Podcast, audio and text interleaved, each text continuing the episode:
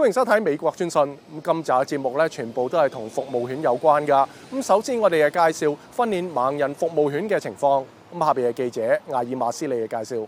Hello sir how are you i'm Deb Wydra, and I teach English at Chantilly High School, and I'm also a puppy raiser for Guiding Eyes for the Blind. Our job as raisers is to start with them at about three, three months old, somewhere in that area, and gradually increase the, the time and duration that we expose that puppy to really intense experiences in society. So that's why coming into a school, which is what I do with my puppies, uh, can be really intense. That's a lot of dynamic, it's a lot of people in a small space, it's a lot of noise, it's fire drills, it, it's just all of the things that create a, a great list of experiences for a guide dog that will need to go out someday and not be rattled by uh, an emergency vehicle going by or someone touching them or someone stepping on them.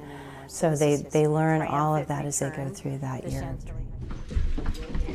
I grew up around dogs and spent a lot of time with dogs, and we would take them backpacking. They, they came everywhere with us.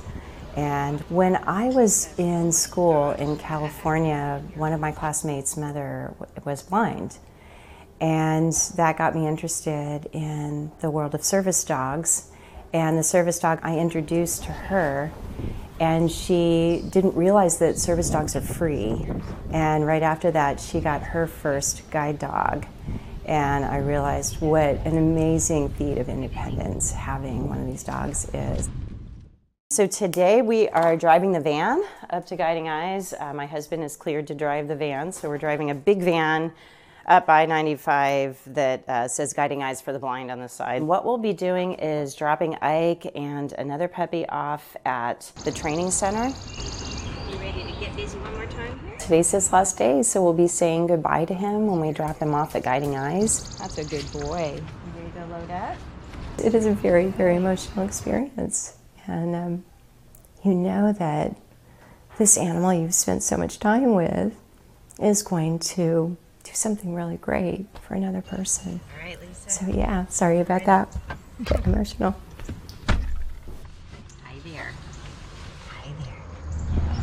服务犬除咗帮助盲人之外，亦帮助坐轮椅嘅人㗎。咁下边系记者斯威科德喺维吉尼亚州亚什本嘅报导。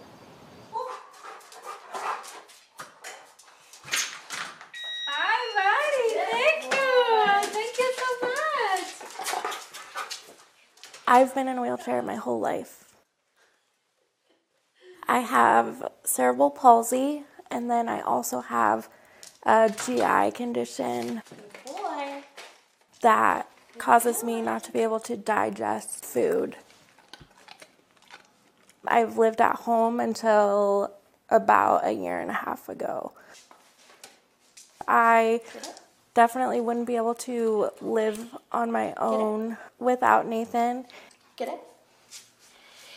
Nathan is my arms and my legs. He helps me so much um, when I'm out and about um, and when I'm home. Thank you. When I'm home without my caregiver, he really is my caregiver. I heard about Healing House maybe a little before the summer of 2019. And we started training together in August of 2020. He opens drawers and doors. He can turn off or turn on lights. Good boy. Good boy.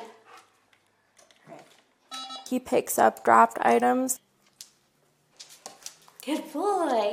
And also can um, get me items that I can't reach um, on my own. When you're training with a service dog, the training kind of never really stops. It's hard to put into words everything that um, Nathan and Healing House has done for me. I definitely would recommend um, other people with special needs to look into getting a service dog. Go through. I think for my mental and emotional well being, I didn't even know how much I needed Nathan um, before he came into my life. He's made me a more outgoing person. I'm just a lot more confident. We know each other so well, and I really feel like we work as a team. 多謝收睇美國專訊，下次嘅節目時間再見。